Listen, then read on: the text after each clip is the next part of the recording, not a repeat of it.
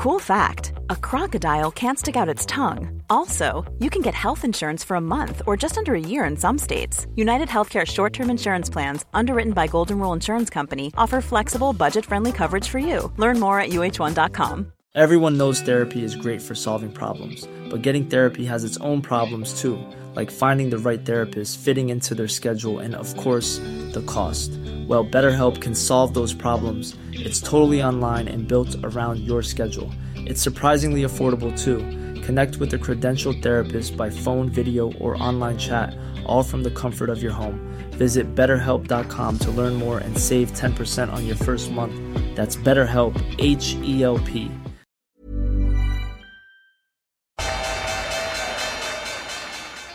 They mistook leverage for genius. Leverage for genius. I would recommend Japan. The governments don't rule the world. Goldman Sachs rules the world. Velkommen til episode 172 av podkasten 'Tid er penger', en podkast med Peter Warren. Jeg heter Sverre og er produsent, og i dag skal vi ta for oss en rekke tema. Først så er det mer om markedet, og det er jo et veldig spesielt marked vi er inne i nå, en sånn slags mellomfase. Peter eh, forklarer litt mer om han hans syn på det. Ellers så er det en rekke faktorer. Vi toucher en del mer innom boligmarkedet. Uh, diverse WC-saker. Masse spørsmål og svar litt på tampen av episoden. Og uh, forsøk på å lage en episode av Tid er penger. Jeg tror vi lykkes med det. Men da går vi i gang med 172. Vi starter litt tidligere enn uh, vi hadde tenkt til. Vi diskuterte litt, uh, uh, som vi ofte gjør før vi starter episoden, hva er det egentlig som er viktig nå? Og jeg sa igjen, som jeg har sagt flere ganger de siste episodene, er at uh, jeg syns ting er så vanskelig å få grep på. Um, I mangel på et bedre ord, så er det kjedelig. Og, og, når det er kjedelig, i anførselstegn, da, så kan du snu deg til analytikere ofte og kanskje finne litt sånn juveler, finne interessante interessante aspekter som man ikke har tenkt på, og så kan man snu seg mot markedsaktører. altså Man trenger ikke å dikteres av markedsbevegelsene. Men det som har, har slått meg nå, er at er, det virker som at for meg så føles det om Hvis du leser en investeringsbankanalyse nå, så er det, det Vi er tilbake til å gjette når man skal starte med pengetrykking igjen. Og for meg så føles det bare sånn ha, Altså, er det her Er det virkelig Er det her vår framtid nå? Er det her det det er? Kan vi kun triks Altså økonomisk vekst og, og sunn økonomisk vekst, eksisterer ikke det lenger? Altså, jeg, jeg tror jo at, at, det vi ser nå altså jeg, Du er inne på det. Altså det virker på en måte kjedelig, men samtidig altså, oppfatter ikke jeg det som kjedelig, selv om jeg er enig i det du sier, og, no, og volatiliteten har definitivt falt. Så har det vært veldig stor forskjell på, syns jeg, i dette er på de som er flinke, og de som ikke er flinke. Og når du ser på Du nevner liksom hva analytikeren eh, Det kan godt hende altså jeg, det, det med og jeg er enig med deg. Det er fortsatt mange som spekulerer eller håper. Jeg tror det er mer et håp enn en, en spekulasjon, selv om det er vanskelig å skille de to. Um, at myndighetene skal komme inn og begynne å trykke penger igjen. Og Altså, jeg, jeg, kan jo si meg enig med dem på, på, på ett punkt, eller på, på ett nivå, og det er at hvis alt går åt skogen, så tror jeg på et eller annet tidspunkt at det skjer. Men jeg er veldig enig i den analysen som vi refererte til en annen, ved en tidligere anledning, hvor en sa at The Fed put is way out of the money at et stage. Med andre ord, altså det skal bli veldig mye verre. Den er ikke at the money, det er ikke her det kommer. Hvis det kommer i det hele tatt. Den, det er way out of the money. Situasjonen må forverres voldsomt for at man skal snu fra quantitative tightening som, som, Ja, nå begynner det vel neste måned, gjør det ikke det? Med 95 millioner dollar, hvis jeg ikke tar feil. Altså det er 95 millioner dollar som skal ut av systemet. Og de gjør ikke Federal Reserve ved å, å, å selge eh, verdipapirer. De gjør det ved å ikke fornye dem, altså med andre ord ikke rulle over, slik at når obligasjoner forfaller, så utstedes ikke automatisk nye. Men i praksis så betyr det at 95 millioner dollar Altså, vi husker jo under QE så var det 120 Unnskyld, 120 milliarder. 120 milliarder dollar som, som, uh, som kom inn i markedet. Nå skal da penger ut av markedet. Um, og jeg er helt enig, det skal bli veldig mye verre. Og når du ser arbeidsmarkedstallene som kom i forrige uke, så gir jo de absolutt ingen grunn til Altså heller ikke de. Fordi jeg, jeg tror ikke at Federal Reserve ser på eh, aksjemarkedet i noe særlig grad. Trump gjorde det og, og, tvang Federal Reserve til å agere på aksjemarkedet. Men det var, det var gjennom kraftig mobbing fra Trumps side overfor Powell, som viste seg da å være så svak at han ga etter. Og gud forby så tar uh, Joe Biden og gjenoppnevner han.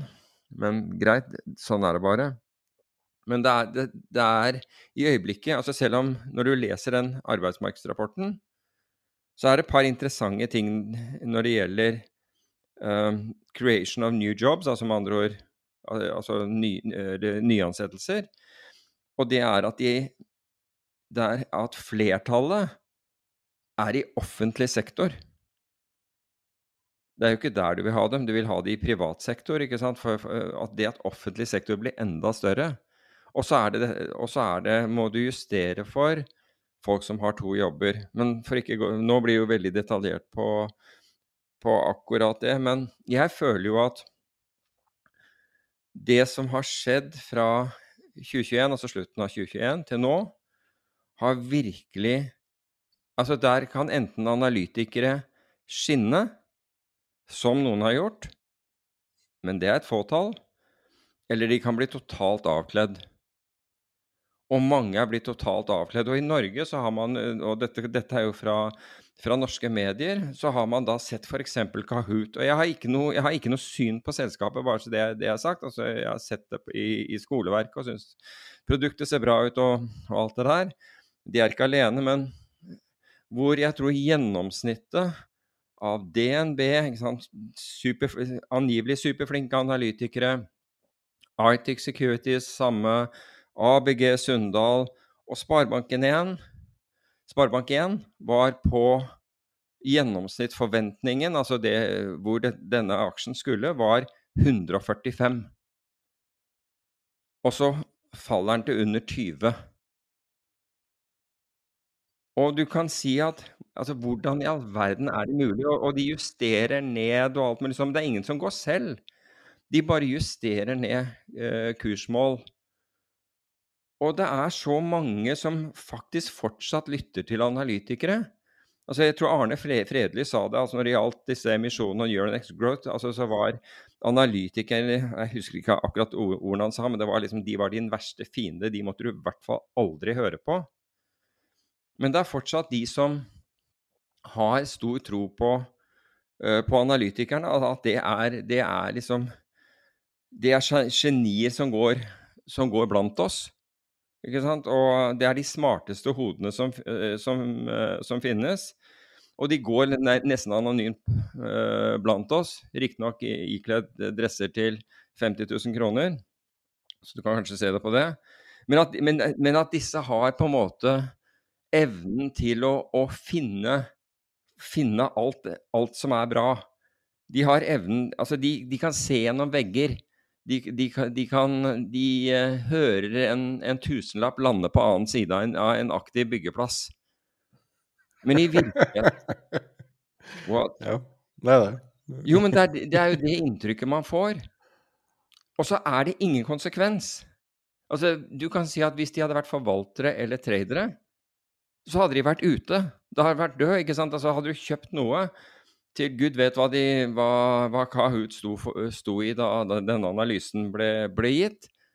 Men den faller til 20. Hvis du ikke hadde stoppet deg ut, så hadde du vært forside. Da hadde, da hadde, da hadde Finansavisen hatt deg på første side med, med svære, fete typer fiasko. Og du ikke, og du ville ikke kunne være f.eks. For forvalter lenger, eh, lenger med, med, et sånt, sånt rykte. Men, du, men det er jo som analytiker er, er, en, er vernet stilling. For du, du, bare får fortsette. Det har ingen konsekvenser. Og det er annerledes. Altså, det, det, det, altså hvorfor? Hvorfor er det ingen som tracker disse her? Ok, nøyaktig tracker hva de gjør, og, og er de under streken, så er det ikke sant, da er det goodbye. Men det er jo kundene som tracker dem, da. Altså, kundene må jo betale for analysen direkte. Og de betaler jo med lommeboka, da. Altså Ja. stemmer med lommeboka, mener jeg. Ja, ja, det burde de. Men problemet er at altså, så lenge det, er- det er tilsig av, um, av nye kunder, så er det nye folk som går på dette her. Men det er helt merkelig at, man- at man skal få lov å gjøre det, og at man, man skal kunne ha sånne enorme bommer uten noe som helst form for konse konsekvens. Og det er eh, Altså, de, når du ser treffsikkerheten er dårligere enn myntkast og, når, og, og feilene deres, altså er litt sånn bibelske proporsjoner, ikke sant? Hva, hva er 145 ned til noen og 20? Det er, hva er det for noe? Det er fem, nesten 90 85 85% bom! Og så overlever du det i håp om at han, han, han, han er egentlig smart, neste kommer til å være bra. Kommer jo ikke til å være bra.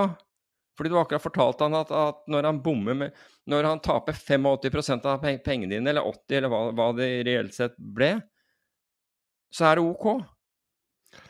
Jeg vil forsvare Kahoot også, da. Ja, det, ikke, Eh. det gjelder ikke Kahoot, bare så det er sagt. Du må gjerne forsvare Kahoot, men det er ikke Kahoot jeg går til angrep på, bare, bare så det er sagt. Men det er mange som går til angrep på dem. Og Men jeg er ikke en av blir regelmessig eh, dratt gjennom uh, søla i media og sånn. Og, Mm. og jeg vil si at Kahoot det nærmeste Norge har hatt en Facebook eller en Twitter eller noe sånt.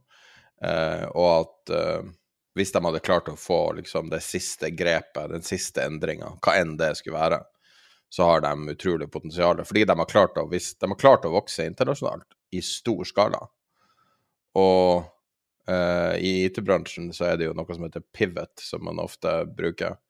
Der man gjør små justeringer. Og, og jeg har sagt det i podkasten tidligere også, sånn, bare sånn til forsvar med dem.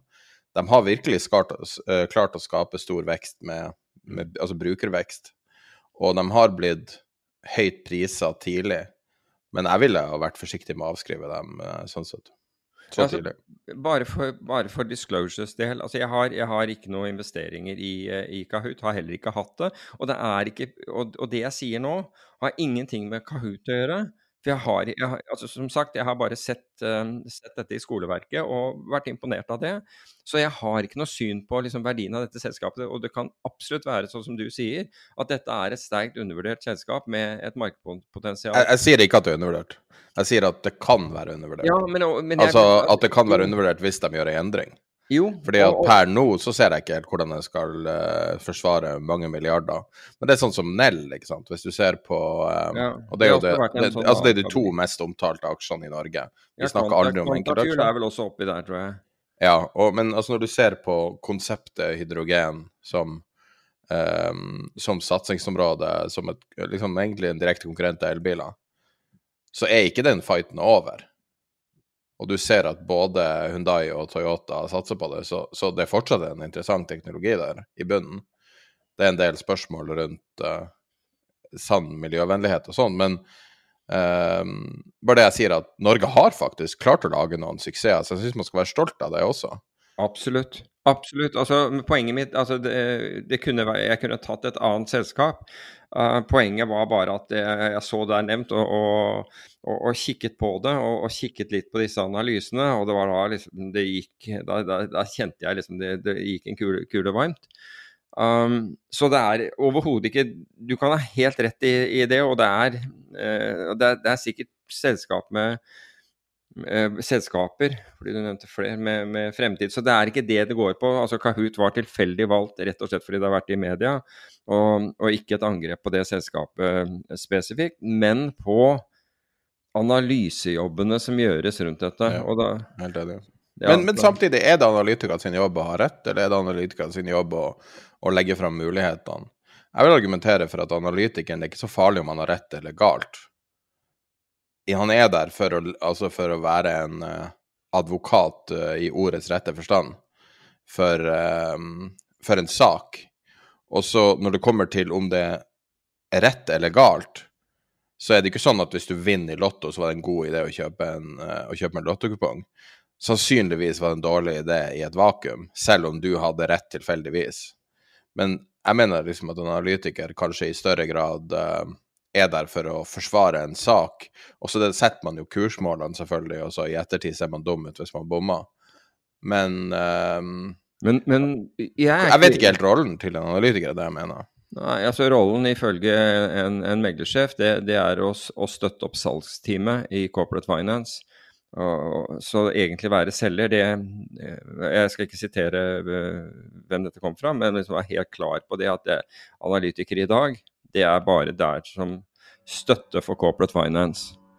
Um, men, hvis, så, men, jeg er enig med deg i det der at jeg tror også at analytikere skal, har en eh, rolle å fylle. Jeg bare mener at enten hvis de velger å trekke konklusjoner, sånn at kursen skal til 145 i, i, i dette tilfellet, så må det være en integritet bak det å stå for det. fordi når da kursen begynner å falle, så hjelper det ikke at de sier du, jeg tror jeg drar ned kursmålet mitt til 137,5 når, når, når denne her går i fritt fall til 20.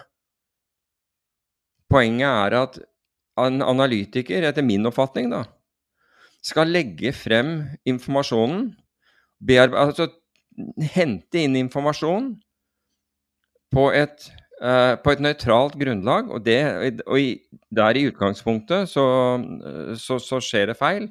Fordi det trekkes fram Det man trekker frem, er det som støtter den Det som uh, corporate finance vil.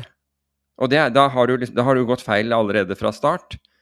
Men jeg mener jo at en analytiker burde ta et selskap, trekke frem, finne ut, gjøre alle disse tingene eh, når du snakker om den ene tingen som mangler og, og, alt mulig sånn. Gjøre vurderinger av dette og sannsynligheter av dette. Og kursmålet altså Man kan godt si noe om, om, om verdsettelse rundt selskapet PT. Det er jo greit om, om det er i balanse, altså om det gjenspeiler den situasjonen selskapet er i. Og så kan man jo da si at altså med disse altså Hvis dette øker, eh, man får flere salg, nye markeder, hva, hva, som helst, så vil det være en stor fordel for selskapet. Jeg syns det er mye bedre å legge frem informasjonen som til vurdering. Og man, kan, og man kan også gjøre former for estimat, men i det øyeblikket du begynner å sette klare kursmål, så må du jo også Altså, hvem er det? Altså, det er ingen av oss som da tar den risikoen, som sier at ok, det der høres veldig bra ut, den skal til 145. Det er, disse, er de noen av de fremste eh, meglerhusene enige om. Da er nok det riktig, tenker man. Eller tenker man fort. Jeg sier ikke at altså, Den ikke-skeptiske vil jo gå for det med en gang. Alle kan ikke ta feil. Jo, her tok alle feil. Ferdig med det. Men det er poenget mitt, er at så begynner ting å gå galt. Da kan du ikke liksom bare ja, Da justerer jeg bare ned kursmålet mitt lite grann. Det er liksom Hvor kom 'get the hell out'? Her kommer det til å gå i fritt fall. Ingen. Ingen visste det. Ingen av dem tilsynelatende visste det, eller ingen ønsket den storyen. De ønsket ikke å presentere det. Og da er det ikke analyse. Da er det markedsføring du driver med. Da er det corporate communications eller, eller markedsføring. Det er, det er, vel, egentlig det samme. Og det er det som er poenget mitt. En av dem som uh, jeg omtalte tidligere i episoden nå, at, uh, at, det var et komplisert rally, og liksom at det er nesten forhatt. Og uh, en som kalte det The Most Hated Rally, var Andreas Steno Larsen. Han som var Fikk mye oppmerksomhet ja, når jeg jobba i Nordea. Ja. Eh, og um, han, um, han, er jo nå i jeg tror han er i heimstaden. Eh, men det syns jeg var en, en, bra oppsummering av det her at eh, folk uh, tjener penger, og det er vel og bra og sånn, men du vet, eller mange tror, at under overflata så ligger det så mye elendighet som er uavklart. Og det her er bare en, et blaff før uh, altså, altså, at det her er et bear market rally.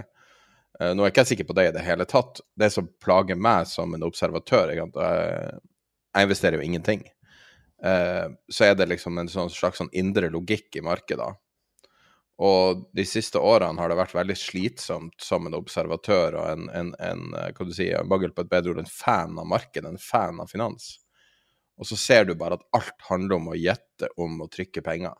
At det her er så kortsiktig, og det her er så destruktivt, da.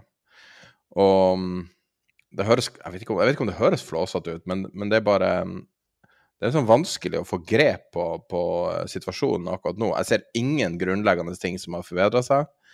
Eh, vi har lavere oljepriser, ikke så veldig mye lavere bensinpriser, en del lavere, men ikke så mye lavere. Eh, vi har et vanvittig trykk i, i, i, hele verden, fra alle kanter. Altså, det sitter så mange um, situasjoner der folk sitter med uh, tente lightere ved siden av ei bombe, og det bare, skal bare ingenting til for at noe slumper til og det blir drama av det. Um, og at vi liksom ikke tar helt hensyn til det som kommer. Nå, nå er sommeren over. Vinteren er her snart, og vi har ikke nok strøm i Europa fortsatt. Mm. Og, og, det er bare altså, Og det handler ikke om regning, det handler ikke om noe personlig. Det er, liksom, det er ikke nok. Og vi har, vi har, ikke tatt inn over oss hva som kan komme. Så ikke at det kommer, men det kan komme. Mm. Og at man skal liksom løpe og snakke om enkeltaksjer og alt sånt, det virker så på en måte så Det virker så meningsløst, på en måte. Ja, vi, vi, kan jo se litt på hva, hva investorene egentlig mener. Jeg, jeg, siterte en meningsmåling for en, en, tid tilbake hvor det var eh, 30-70, altså 30 mente eh, bunnen var passert, og 70 mente at, den, at det vi hadde nå, var bare midlertidig rally. Nå har kursene steget eh, fra den, den bunnen. Vi har hatt en kraftig rally. Og nå er tallene 45-55. Så 45 eh, tror på at, eh, at, eh, vi, at bunnen er sett, og 55 tror, tror på Uh, unnskyld, ja, 45 tror at bunnen er sett, og 55 tror fortsatt at vi, vi skal. Så over, det er en svak overvekt som tror på videre nedgang. Og finansielt altså det, det, skjedde jo positive ting, ikke sant, sånn, sånn som med arbeidsmarkedstallene. Uh, og de er for så vidt positive, men når du ser når du går nærmere innpå dem, som, som, jeg gjorde innledningsvis, så er de ikke så positive som man først fikk, eh, fikk inntrykk av. Så det er uavklart. Ukraina er definitivt uavklart. Og her, her dundrer man på med uh, Amerikanerne vedtok jo nylig, eller Biden uh, vedtok da ytterligere uh, våpenstøtte. Og nå Altså, de, den uh, Det som skjedde på, på Krim, på den, den, russiske flybasen på Krim, den har nok fått det, det, er nok av betydning. For her snakker man om, om munitions, det vet jeg ikke hva det heter på norsk. altså angrepsvåpen, om du vil. Så Jeg har ikke et godt norsk ord. Nei, vi har kanskje ikke det. Men i, altså Her snakker vi om våpen som har betydelig rekkevidde, da. Um, en, en, rekkevidde som jeg tror ikke russerne var helt forberedt på um, at ukrainerne hadde. Men så, så hele tiden så vi har forandringer der. Og så har man fortsatt Altså, Kina er mildt sagt drittsure for eh, Pelosis besøk. Så det er mange ting som kan flare up. Men så det er, det er jo en rekke ting som plutselig kan gå galt, og flytte markeder ganske mye. Og nå har du i den rallyen som var, så endelig nå så ser vi at det har vært en betydelig reduksjon av short-posisjoner i det rallyet. Så det vil si at den ammunisjonen som de utgjør, nemlig det at de kjøper tilbake sine short-posisjoner, og det driver markedet opp, nå er mye av det gjort. Så det er faktisk så, Og det gjør, det gjør etter min oppfatning at den halerisikoen, det, dette vi inne på sist, at, at, det ser positivt ut. Det virker positivt. Forrige uke virket jo veldig positiv. Men samtidig har halerisikoen økt fordi folk oppfatter at nå er det bare godvær. Nå er, nå er liksom Nå er det Ubehaget er over.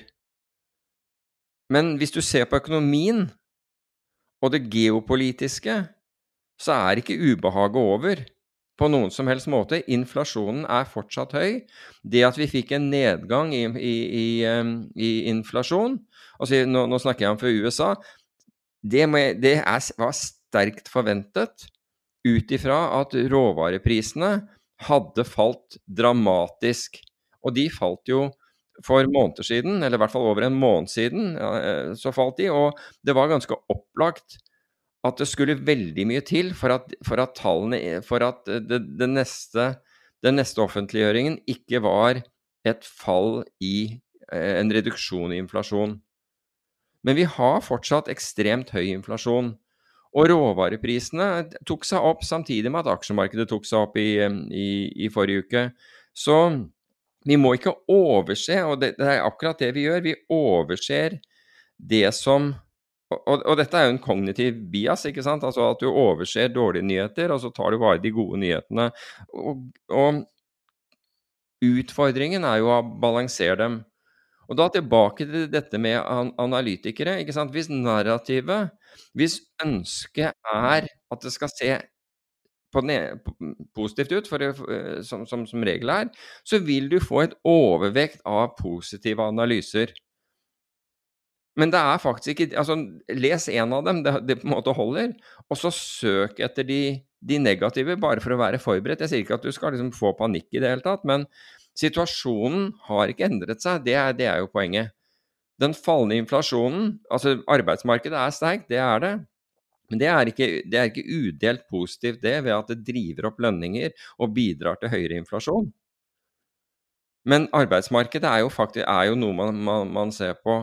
Men som jeg nevnte, råvareprisene steg i takt med, med, med, med aksjemarkedet i, um, i, forrige uke. Altså råvare var, råvare, ja, det var faktisk mer. Altså Hvis du ser på MSCI World, så steg det 3% i forrige uke, mens råvare var opp 5% Oslo Børs var opp 1 Um, så det du ikke ville skulle, skulle stige, det, nemlig kull og kullprisen, den var opp 13,5% jeg vet ikke om noen som, som, Og det er ting du kan trade fra Norge. Jeg, jeg, har ikke hørt om noen investorer som, som kjøper og selger kullfutures, eller gassfutures for den saks skyld, men, men, det var opp 13,5 i, i, eh, i forrige uke. Så og er det positivt? Er både forurensende og, og, og betyr at det av vedvarende høye energipriser? Jeg er ikke så sikker på at det er så veldig positivt. Midt oppi det hele så var det en, en, en, investor, og det er selvfølgelig da en institusjon, som brukte 138 millioner dollar i å kjøpe salgsopsjoner på Nasdaq. Det er, det er en size, altså. Det, det, jeg... der, de der storyene der har jeg alltid tvetydig syn på. Ingenting er morsommere enn 50 Cent-traden når den kommer på CNBC. Altså, det var den mm. traderen som kjøpte 50, altså, um, opsjoner verdsatte 50 cent av VIX uh, langt ut på kurven. Mm. Um, men jeg har aldri helt fått grep på altså, altså, man kan jo si markedet er jo Hva, var det som skjer med de tradene? Ja, altså, det ene Vi vet ikke hvem det er. Nei, stort, stort sett. Altså I veldig mange tilfeller så vil det være investeringsbanker som beskytter strukturerte produkter. Oh, ja. Eller tilbyr strukturerte produkter. Ok, ja, da, da, tar det jo bort veldig mye av det interessante med, det med Ja, ja, de, de, gjør det. Sånne trader-typer blir ofte lagt fram som at de har en hemmelighet om markedet. Men Ingen har jo det. Ingen, ingen, har jo noe spesielt. Det går, an, det går, nesten ikke an å ha en cutting edge som Nei, men du kan si at la oss si at det var en, en institusjon som ville ha en bespoke, altså med andre ord en, en skreddersydd beskyttelse til nedsiden.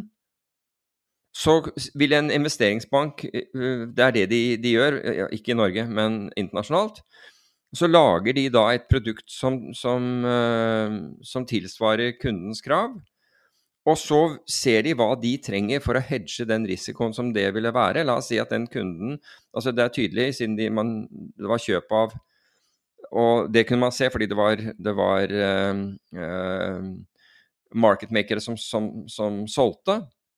Så da er, det jo, da er det jo paper, altså kunder, være seg institusjon, og det må det være når det er så stort, eller en bank eller hva som helst, som, er kjøperen på den, på, på den, andre siden. Så da er det en kunde eh, som da høyst sannsynlig har bedt om et skreddersydd eh, produkt, beskyttelse til nedsiden, og så har, har, da investeringsbanken som har solgt dem det, funnet ut at de trenger faktisk, for å beskytte seg mot, um, mot et fall, altså for uh, potensielt kursfall, så er de nødt til å kjøpe salgsopsjoner for 138 millioner dollar. Så det sier noe. Det sier noe, det, det samme med 50 Cent-greiene var, var, nok også var ikke en spekk til nedsiden, men det var en beskyttelse av et eller annet. Man fant ut at jeg må ha så mye der nede, jeg tror egentlig ikke at det skal falle, men jeg må ha så mye av, av den 50 Cent-greia der nede, slik at jeg får skikkelig effekt hvis markedet begynner å falle. Ja. Det var en veldig god oppsummering, og jeg føler at du eh, det var litt sånn spiken i kista for alle framtidige storyer om en eller annen trader som har kjøpt et eller annet eh, veldig, veldig out of the money-opsjoner, fordi at det, det, er egentlig sånn falsk Altså, jeg, jeg, tror at media liker det fordi at man ser hva folk gjør, og at det er litt sånn Klart de gjør det, og plutselig at det er en kjempetrade. Den, den, er stor i markedet, ikke sant, og det krever jo at marketmakerne på den andre siden, de må legge av risiko osv. Men vet du hva, hvis jeg skal oppsummere markedet i dag som en uh, bare en person som ser på det. Har du sett den videoen av den bjørnen som blir fanga av uh, noen som sitter bak på lasteplanet, der den har en sånn babybjørn som har spist uh, honning med hallusinogen i? Å, herregud. Nei. så det sitter en bjørn bak på et lasteplan og basically tripper. og jeg føler at sånn er markedet nå. det er god oppsummering av markedet. Bjørn er på hallusinogener og vet ikke, vet ingenting og forstår ingenting. Tripping bjørn. Ja, men ja, altså Du kan si at det er jo, det er jo, det er jo så mye som Ja, altså det, Men kan vi snakke om eiendom, da? Det skjer litt der. Det er mye mer interessant marked for tida. Ja, kom igjen. Uh, begge veier. Så du har jo store, store forandringer i USA, i infrastrukturen i USA. Så du har uh, Ken Griffin som, uh, som er i Citadel. Han har investert 1 milliard dollar i eiendom i Miami helt nylig. Så han har kjøpt uh, bl.a. Uh, det som skal, sannsynligvis skal bli hovedkontoret til Citadel, altså det, mm. en av de viktigste finansinstitusjonene i verden. Uh, er større enn Mar-a-Lago til Trump. Wow. du må jo også ta med, altså når du er inne på dette med Miami, og altså litt, litt bakenforliggende der, og det er at Florida har, har eh, bedre, syns mange, eh, skattelover. Altså skatten er, er, lavere. Og de har jekket den opp i New York, og de har jekket den opp i Connecticut. Og det å Og, og selv i, på vestkysten så folk har trukket fra vestkysten og østkysten av USA til Miami altså innenfor finans og teknologi. Ja, spesielt. Altså Silicon Valley har jo, er, er jo på flyttefot, nesten, mm. til Miami. Så eh, det ble sikkert bremsa litt i, på, sen, på, sommeren i, i dag, år, men, uh, men, det har vært en, uh, en bølge det siste året. Eh, jeg syns bare det var interessant da, at en så profilert person og, og Citadel er jo på en måte New York på mange, på mange måter. Så det er jo en skikkelig sånn eller uh, kanskje Chicago mer enn jeg tenker meg om. Men, uh, men, det er i hvert fall ikke noe man nødvendigvis forbinder med, med Florida. Mm. Så jeg følte at det var signifikant hvis de flytter, uh, flytter sørover, hele gjengen. Ja, virksomheten. Ja, absolutt. ellers så har eh, A16 sett med Andreessen Horowitz har skrevet sin største sjekk noensinne. Og Oi. Hvis du ikke vet om det der, så tror jeg ikke du klarer å gjette hvem de har betalt 350 millioner dollar for aksjer. Hvem du tror. Nei, jeg har ikke peiling. Jeg har ikke, jeg har ikke sett det. Jeg har ikke sett det. Husker du han som drev WeWork? Adam han, Neumann. Var det han Adam Neumann. Neumann, ja. Nettopp. Han, han er en sånn parodisk grusom eh, teknologigründer. Så så eh, ekstremt eh, useriøs i stilen at det blir laga en TV-serie om der han blir fremstilt som en total klovn. Nå har eh, Andreessen Horwitz investert 350 eh, millioner dollar i hans nye selskap Flow, wow. som skal, eh, i, hans, i, henhold til hans alltid eh, spenstige mål, skal han transform the resistential rental real estate market. Oh, ok. Eh, På hvilken måte da, vet vi det, eller? Nei. Det er ikke, selskapet ikke launcha ennå. Altså, det er jo et- så det er verdsatt til over en milliard dollar uten å ha noe ute. Liksom. Um, Adam Neumann eide jo masse bygg pga. Uh, dealen sin med WeWork. Mm. Uh, men han har kjøpt 3000 leiligheter, så jeg regner med han skal leie ut. Hm. Tenk at den der karen der satt og prøvde å selge leker til unger for noen år siden. Slumpa inn på hele WeWork-konseptet. Møtte på uh, Softbank-gründeren. Snudde livet hans på hodet. Klarte å komme seg ut med milliarder av dollar fra det mest forhatte selskapet Ja, helt utrolig. klarte å komme seg ut på topp. Og nå sitter Og så har du en Andreessen Horowitz, som gjør sin største investering noensinne. Ja, den, jeg, jeg, den forstår jeg ikke helt, men uh, samtidig så vet jeg at Andreessen Horowitz er, eh, er flinke folk. Ja, men man kan jo stille spørsmål med deres uh, acumen når man ser på det de har gjort med Web3, Mm. som er deres baby, da. Og jeg kan jo også si at han, eh, Adam Neumann har eh, også et selskap som heter Flow Carbon, som selvfølgelig er et eller annet kryptosak. Så uh, mulig at det er relatert til det, selv om de, de sier at det ikke er relatert til det. Så. Ellers så har vi en eh, lytter eh, som eh, tracker boligmarkedet i Norge for oss. Ja. Og en par data. Vi snakka jo om det om det var siste episode, tror jeg. Eh, sånn at trenden nå er den samme. Vi, vi har ikke så store utslag på indeksnivå på priser i Norge enda. Men det vi eh, definitivt ser, er at det trekkes tilbake store mengder boliger fra markedet. Og um, prisene går ned. Det er de to trendene du ser på dataen som han har. Mm. Så uh, de siste dager er det 160 enheter som han tracker, uh, som har fått nedjustert prisen. Uh, og den høyeste prosenten på nedjusteringa er vel 22,8. Eh, og alt det her er tosifra millionbeløp, stort sett alle leiligheter. Men eh, trenden er nedover. Eh, en del hytter, altså sjøhytter, sliter. Der er pris, eh, prisene ned mellom 2% og 11-12 og helt opp i 20 på det meste fra det han tracker. Er, og det her er da ikke transaksjoner. Det her er hva Altså, han trekker, sin egen, han trekker Finn-data og lager sin egen uh, ekstrapolering ut av det. Mm. Uh, sånn at det er ingen det her, er, det her er så live som du får det. Mens de salgstallene som kommer i avisa, det er mer tilbakeseende tall. Uh, så det her er så ferske tall som du får ut fra det jeg skjønner. Skjønner. Solgt før visning er drastisk ned fra tidlig på sommeren. Der det var en, del, en god del boliger som ble solgt før visning. Fra eh, midten av juli så har det nesten tørka helt ut av markedet.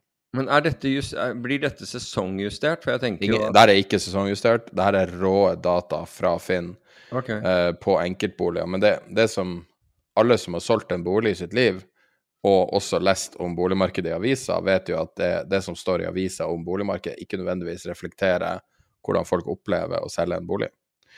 Og så har jeg en annen anekdotisk, jeg har ikke lyst til å si hvem det er, men det er en eller annen profilert person som prøver å selge en bolig, og har vært åpen med det, og har ikke fått solgt på et, uh, et kvart år. Men, men det du snakker om nå, det er en, det er en svært dyr bolig? Nei, det var eh, sånn en ny bolig Å ja, ok. For Helt vanlig bolig. Ja, akkurat. For det var vel i, på, på nyhetene i forrige uke hvordan nyboligsalget har, har gått ned.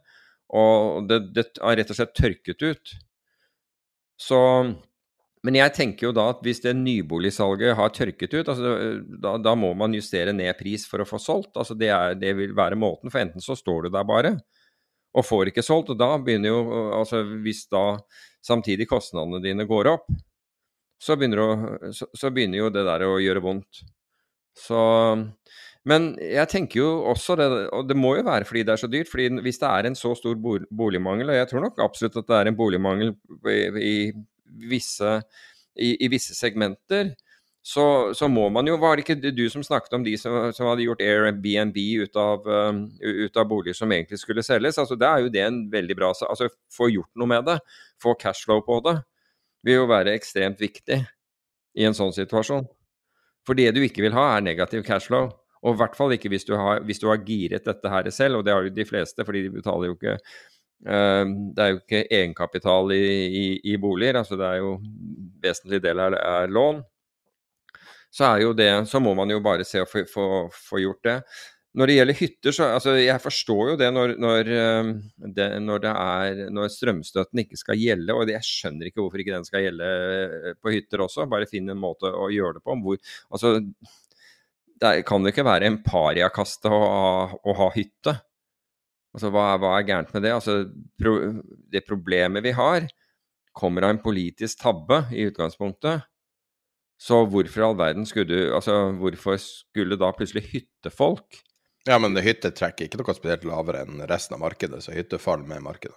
Ja, men nei, men, men, ja, OK, sånn, sånn, sett, ja. Ok, Greit. E, ellers så Altså, det bare det at også hytte faller, det var derfor jeg tok det med. Ja, fordi altså, jeg hadde eh. nesten forventet at, at prisen på, på, på, hytte går ned. fordi altså, det ene er at kostnaden ved å ha hytta, altså ved å ha, ved å ha lån på hytta, går opp vesentlig opp, men så skal du og så går da kostnadene ved hytta altså ved å ha oppvarming ekstremt opp. Men nå kommer, altså apropos breaking news, nå kommer det at SV ikke er fornøyd med regjeringens strømkriseplan, vil ha hastemøte. Så noe, noe, noe er i gang der.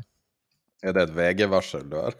Nei, E24 e var det, men, eh, det, men eh, Vet du hva, det, det, apropos varsel. Det slo meg eh, da jeg tok, kom ned fra, fra Gardermoen i, i forrige uke med toget, og så kommer du til Lillestrøm, og så tenker du jøss, Lillestrøm var et, var et varsel. Og så, og så, kikker jeg på hvor dette toget skal, skal til Drammen. Ja, og det ble Altså hvis det er noe varsel Det ble jo oppfylt for flere tiår siden. Hva er det du snakker om nå? Nei, altså, er Lille... har, du fått, har du hatt slag, eller? Nei, men altså, er... Jo, men du tenker Lillestrøm, og det er det vi har nå. Ikke sant? Hva er, hva, hva er stedet et varsel? Er navnet et varsel? Ja, sånn da. Og da mente jeg, og da tenkte ja, du, har, du, er virkelig Hjernen din er infisert av strømpris. Altså. Ja, men det, jo, men hvem ja. Det er så front of mind på deg. Det er, det, er det hos veldig mange for tiden. Men, men, men poenget mitt var når jeg da så Drammen Ja, det var litt artig, det. Jo, jo. Og så ser du Drammen, og så tenker jeg at jøss, det, ja, det har jo blitt oppfylt. Og det er jo flere tiår Drammen, det er sånn, tar jeg ikke engang. Men jeg ble, jeg ble Hva mer Hva betyr Drammen? Spør, jeg skjønte ikke den. Drammen. Dram, Drammen. Du tar den ikke? Hva, drikke dram, liksom? Ja, nettopp. Uh, men uh, Drikke dram og bli animert? Jeg vet jeg, vil, jeg, jeg, er mer, jeg, jeg, er mer, urolig når det gjelder Hammerfest, for å være helt ærlig. Hva, hva, hva det tilsier. Men, uh, men, nok om det. Altså, jeg tror akkurat det med strøm er top of mind for, for veldig mange. Men, men jeg syns bare det er interessant å, å, trekke fram eiendom i denne sammenhengen. fordi at når man snakker om finans, så, så føles jo det som det er aksjer og obligasjoner. That's it. Mm. Men det er jo Altså, det her er jo et veldig, veldig komplekst marked der alt henger sammen. Ja. Og når du snakker om boligmangel, f.eks., så er jo det også en story som blir pusha. Så det er vanskelig å si hva, hva, den reelle situasjonen er, med alle sekundærboligene og hytter i byen og gud vet alle former folk har. Mm. Er det egentlig reell boligmangel, eller er det bare måten man har uh, må, måten markedet har blitt til, på en måte. Laveste, at, laveste nyboligsalg siden finanskrisen. Altså, jeg har ikke trodd på det at det er for lite boliger i Oslo. Uh, den storyen basert på at uh, eneste grunnen til at det er ikke nok boliger, er at studenter kjøper boliger nå når de blir studenter. Det gjorde de ikke før. Mm. Det var, det var en, hørte mer med til sjeldenheter. Når jeg var student i Oslo, f.eks., så var det ingen som kjøpte Det var én som eide en leilighet, husker jeg. Og det var liksom spesielt. Mens nå er det nesten spesielt hvis du ikke gjør det. Ja, jeg, jeg er helt enig i det. Um, nå jeg, så jeg at Senterpartiet var Thomas Flesland i Senterpartiet, men, men nå vil jeg bare tilbake til, til, til, dette med strøm, fordi jeg tror det også har en effekt på, på, på boliger. Han mener at Statnett har levert villedende informasjon om utenlandskabler og burde granskes. Jeg, altså, hvis du tenker på det, hele den der beslutningsprosessen, altså tenk hvor viktig dette er for Norge, inkludert eiendomsmarkedet som du snakker om. For det betyr noe Når, når, altså det betyr noe å få 500% oppgang i, i, um, i, i kostnaden din på strøm. Det betyr noe. Og jeg Altså, det går jo Altså, man snakker om da granskning. Altså, den Jeg, jeg er egentlig enig Altså, man gransker jo alt mulig annet. Hvorfor skal man ikke granske den der beslutningsprosessen? Granske Statkraft, den tradingen og spekulasjonen der, der som foregår, som vi egentlig ikke får noe svar på. Og det er, altså, det er Norges største hedgefond. Og alle innbyggerne er investorer i det, i, i det fondet, på en måte. Ja. Vi har jo sett litt på de uh, tallene til Statnett. Um, ble kontakta av Statkraft eller Nett? Nå, uh, det var uh, Kraft, ja, stat, kraft. Statkraft, ja. ja.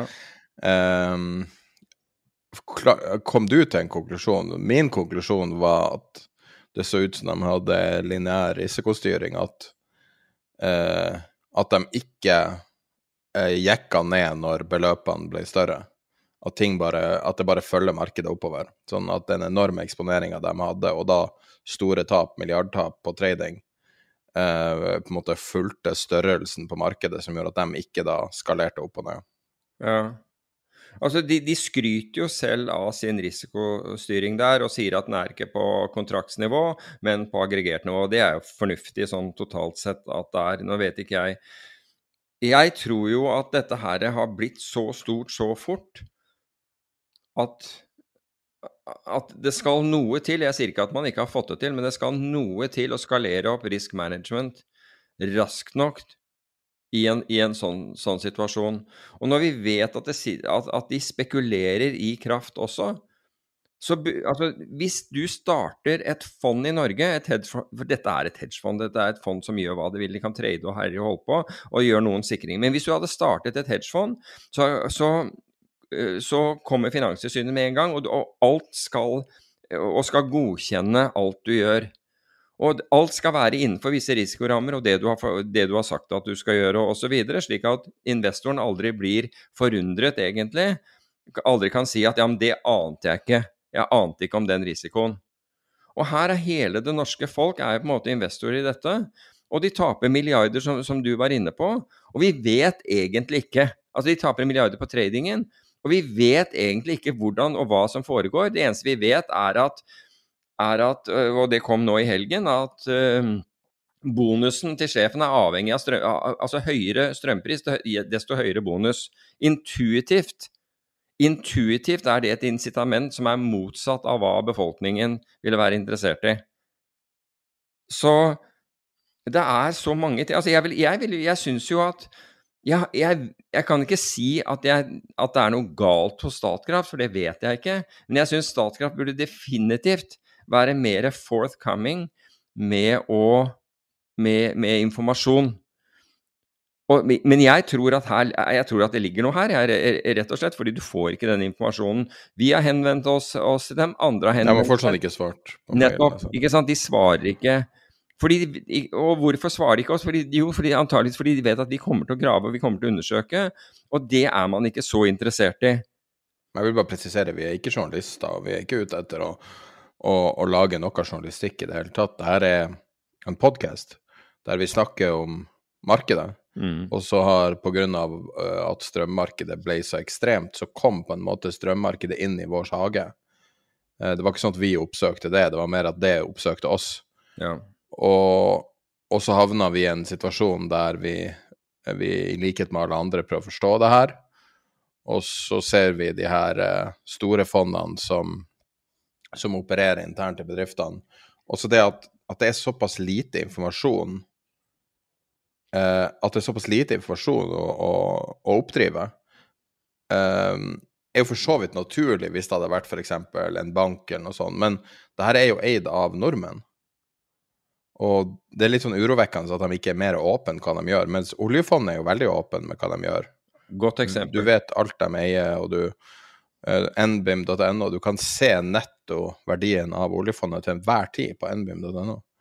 Og uh, um, kanskje at uh, Kanskje jeg, vet ikke mer regulering enn hvis ikke det er riktige, men, Jo, men hvis, hvis det er slik at du skal regulere, altså hvis private gjør noe tilsvarende, så det blir regulert herfra til månen. Men kanskje noe av men, men dette selskapet her, som er ekstremt viktig for det norske folk totalt Altså hvis du brenner et, et hedgefond og, og 130 investorer taper noe penger, så, så er det på en måte en skandale. Men her, her er det fem millioner investorer. Fem millioner pluss, fem og et halvt, ikke sant? Og da betyr det noe. Og, og, så hvorfor ikke, hvorfor ikke liksom åpne opp, hvorfor ikke det de kaller open kimono, hvorfor ikke åpne opp og fortelle hvordan dette her fungerer? Eller svare på mailen, i hvert fall. Ja, og hva de gjør. Og så, og så har du Statnett, ikke sant. Blant annet fordi Statnett, der, der går det om kapasiteten, f.eks. kapasiteten nord-syd. Og du var, inne, du var inne på dette med, med det at man kunne føre kraften eh, fra nord til syd via Sverige. Um, og, og det blir jo gjort, men, men ditt, ditt postulat var jo at man, man kunne øke den. Um, og, og dermed um, bremse noe av den eh, Eller dempe noe av den prisutviklingen som er i syd, altså sør, sør for Dovre og, og, og Sognefjorden. Og Robert Ness hadde regnet på det. Han, han regnet på hva svenskene hadde tjent på å føre kraften gjennom Sverige ned til Norge, og det var milliard. Så her Så hva Altså, vi klarte å hive en, en, en strømkabel til, til England. Vi klarte å hive flere til Tyskland. Vi klarte, vi klarte en til, til Nederland. Det var ikke noe problem. Men nord-syd i Norge, det var, det var vanskelig, det. Jeg ser nå på live tall, eh, altså de tallene fra så offentlige tall fra Statnett for eksport og import. Så jeg er ikke sikker på Skal vi se, det er megawatt. Så 496 megawatt i løpet av de siste 24 timene har blitt eh, eksportert ut av, ut av NO4, som er Nord-Norge, inn i Sverige så har det gått 17 tilbake fra SE2, som er Midt-Sverige. Og så har det gått Hvor, hvor gikk det tilbake til, da? Til til eh, Trondheim-området. Ja, okay. Og så, altså NO4. Sånn at nettoen der er 496 minus 17. Og så har det gått ytterligere 368 megawatt eh, inn i SE2 fra NO3. ja. Og så har det gått 22 megawatt tilbake til NO1. Sånn at nettoen akkurat de siste 24 timene i strømeksporten, som er en av de tingene som gjør at Norge har så høye priser fortsatt, er at vi har eksportert eh, eh, ca. 700 megawatt og importert ca. 20. Mm. Og, og det gjør at eh, Sverige får eh, vesentlig lavere priser i, alle, i alle sammenlignbare områder. Og ikke minst da de to nordligste svenske tung, tunge industriområder. Um, mens Norge har eh, veldig høye priser. ja. Og så kan jeg si også de siste syv dager så har vi netto eksportert eh, 400 000 megawatt-timer. Altså eksport 527 og import 127. Så Ja, nå er, prisene, nå er vel prisene for morgendagen uh, dukket opp også. Altså nå ligger vi da Ja, snittprisen i morgen er fire kroner her hvor vi bor. Ja. 3, 396 øre. Men det er i hvert fall Her er da den rå dataen. Det går masse strøm ut av Norge, det kommer nesten ingenting. Og det her er da Nå snakker jeg ikke om Det, det går også 600 megawatt inn til Danmark. Og det går eh, 240 megawatt eh, ut til eh, UK eh, i, det siste døgnet også. Sånn at basically det flommer strøm ut av Norge. eh, men det kommer veldig lite inn, og man kan ikke bruke Sverige som et sånn eh, eh, hva skal jeg si, eh, for å dempe på trykket i Norge. Eh, fordi at du har så lave priser i Nord-Norge at det ikke lønner seg å lage strøm. Mens du har så høye i Sør-Norge at du nesten ikke kan dusje. Ja. Sånn at eh, vi får ingen hjelp av Sverige Sverige i det her. Nei, nu, altså det får meg til å tenke på det var, altså nå, nå, som vi nærmer oss den kalde perioden, altså nå har du liksom strømregninger altså når Alt varme er, er, er slått av drittkaldt på gulvet, men det, det, det, går, det er jo varmt uh, Vil du ha noe artig? Hva da? Så Norge sender uh, roughly 500 megawatt ut til, uh, fra NO4 til SE1, altså svenske nordligste område, som er da omtrent fra hva det blir fra Luleå og nordover, tror jeg. Kiruna? Uh, ja, det området. Mm. Der har du en strømpris som er ca. tidobbelt av, av Norge. Så mm. da sender Norge fra et område med 0,94 euro. Sender du inn i, i SE1, der de har 9 euro, og så sender de dobbelt så mye strøm eh, til Finland. og jeg tror Finland har kun ett område, og det er 198, sånn at de eh, tilsynelatende Jeg vet ikke hva de betaler for den strømmen, jeg vet ikke akkurat hvordan det fungerer, men de gjør en vanvittig business på å videreselge til Finland.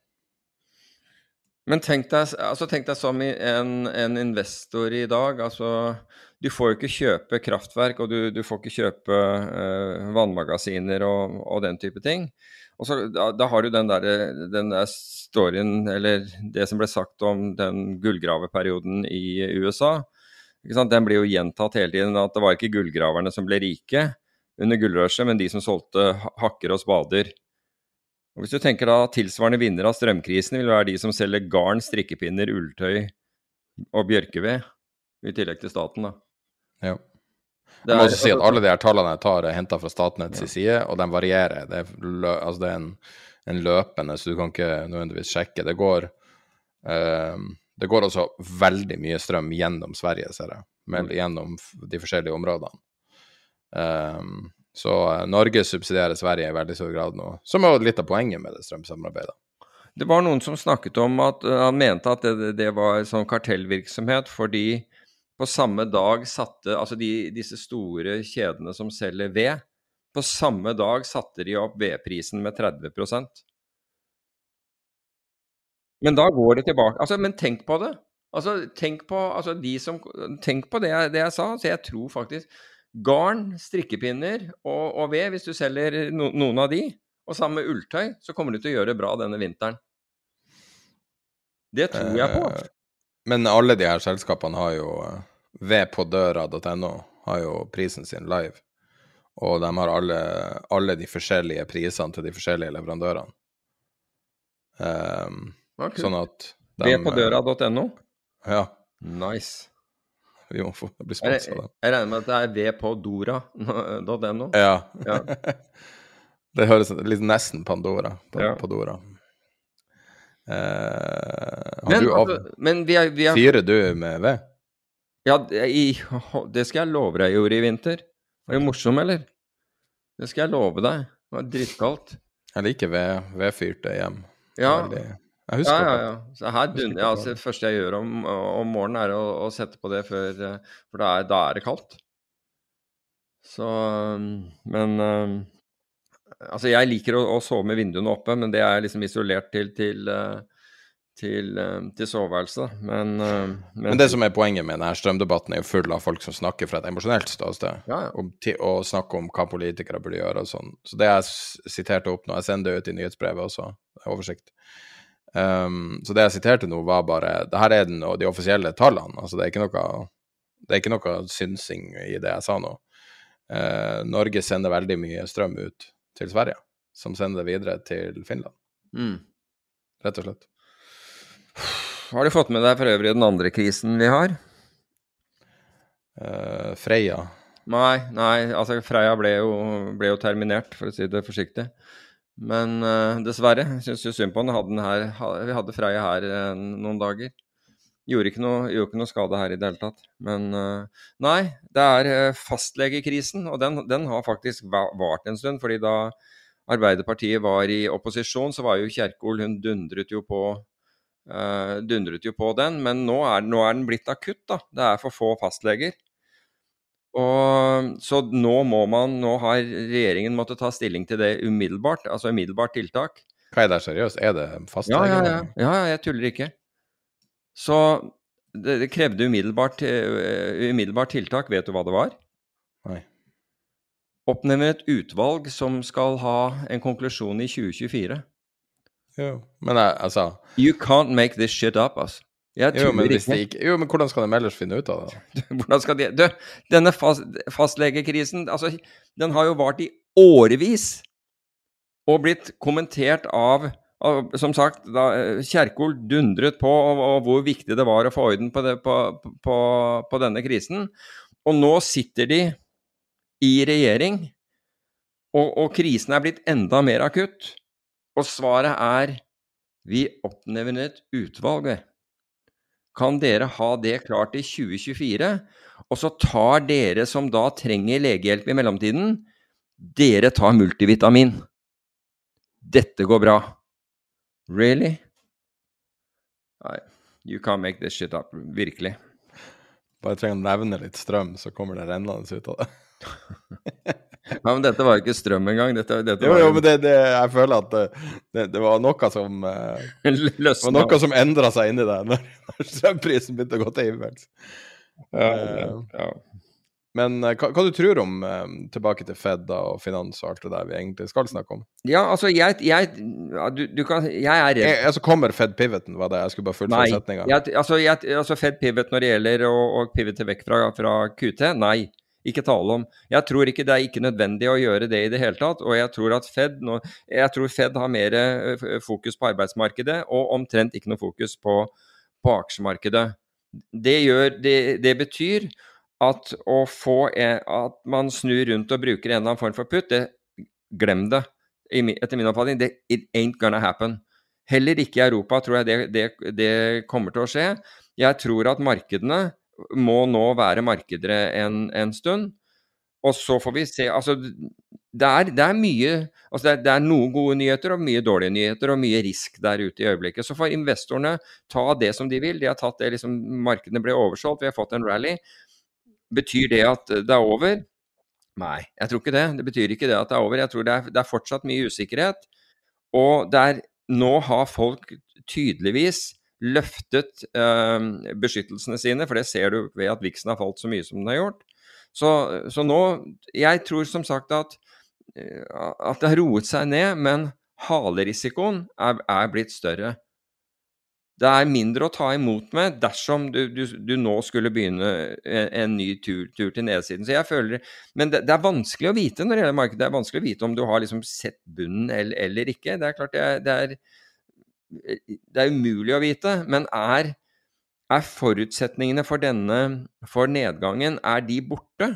Nei, overhodet ikke. Altså, hva var forutsetningen for nedgangen? Jo, troen på renteøkning øh, og og høyere inflasjon, og at eh, sentralbanken trakk tilbake støtten. De tre tingene er der fortsatt. Det er iallfall helt garantert. Det bør du ikke lure på. Så, og Det betyr at, at risikoen er, er elevert. Er du langsiktig sparer, som jeg har sagt flere ganger tidligere, pust. Ikke se på nyheter. Ta det med ro. Dette er ikke for deg. Men er du en som er bekymret for minste bevegelser i aksjemarkedet, og har alle pengene dine i Pexip, eller en av disse her, så er det kanskje ikke sant, Da har du følt noe ubehag. Eller Kahoot, eller hva det er. Og det, det, er ikke, det er ingen refleksjon over de selskapene. Jeg bare sier at det som var sure thing for alle, i hvert fall for analytikerne og de som hørte på dem, har vist seg å være det motsatte. Så slutt å tro på dem. Slutt å tro på dem til, til det kommer ordninger hvor de faktisk kan bevise sin rett og hvor det faktisk betyr noe at, at en analyse utføres med, med integritet og, og, ikke har en bias og ikke har en forhåndskonklusjon som passer et meglerforetak. Det er liksom det, det jeg tror på i, i, dette. Så igjen, altså er du Hvis du er nervøs, så altså pass på at du, du, sover godt om natten. Hvis du ikke sover godt om natten, så selg av til, til du sover godt om natten. Det er liksom Jeg har gjort det der flere ganger. Våknet om natten og vært bekymret for en posisjon. Den eneste bote, heter det botemiddel eller bøtemiddel? Botemiddel for det har vært å, å, redusere den posisjonen dagen etter. Til jeg sover godt. Så enkelt er det. Altså ikke ha noe som, som kan ta deg ut, altså som ødelegger økonomien din. Det er dumt. Vær diversifisert. Liksom, vær, vær fornuftig.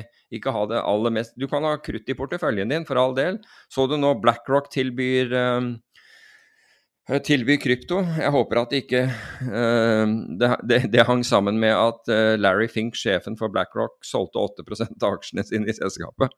Det, det, ville være litt rart.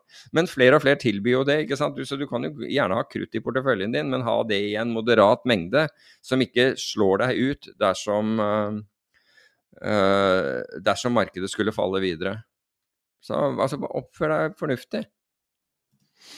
Skal vi gå gjennom noen punkter fra siste uke som har skjedd, som er interessant? Ja, har vi noe hadde vi, vi hadde spørsmål Vi har masse spørsmål, men vi kan ta dem til slutten. Ok. Snu litt på det. for en gang. Um, så det virker å være mer eller mindre full stopp i uh, eiendomsmarkedet, i high end-markedet i New York. Um, sist uke, det blir vel ei uke mer tilbake, da, uh, ble det signert totalt uh, 13 kontrakter til en verdi av 95 millioner dollar i hele New York, som er det laveste siden oktober 2020. Og, men det her er et, et marked som normalt man skulle tro er et cash-marked, som ikke skulle være så sensitivt på renta, men Ja, det tenker jeg også. Men uh, de har vel Alle har jo lån, så Så det markedet Altså, du får ikke noe særlig mer premium enn high end i New York, og det er det. Jeg følger med på uh, den tyske tørke De har noe som heter tyske myndigheter noe som heter eh, UFZ Drought Monitor. Så det er tørkeoversikten i Tyskland. For det har jo vært eh, det er jo veldig mye tørke i England og i, og i egentlig hele Europa. Og eh, de har forskjellige eh, målenheter som er abnormalt tørr, moderat tørr, severe drought, extreme drought og exceptional drought. Og omtrent halve kartet er på det verste nivået. Og når du går eh, Eh, altså det er når du er 1,8 meter under overflata. Og når du går bare 25 cm, så er hele randet på maks.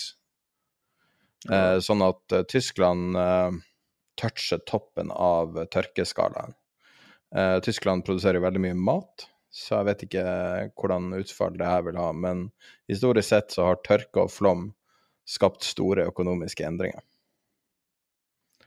ellers så er enkelte deler av uh, Stillehavet 8,7 grader høyere enn normalt. I havet er én grader mye, så åtte mm. grader utslag. Jeg vet ikke om vi kommer til å se noe av det her, men jeg sitter nå her, og det er veldig varmt i dag òg.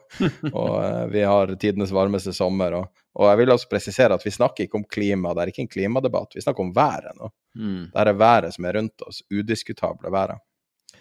Uh, statens, uh, altså norske staten sine gassinntekter i 2022 er venta å være ca. 1000 milliarder kroner.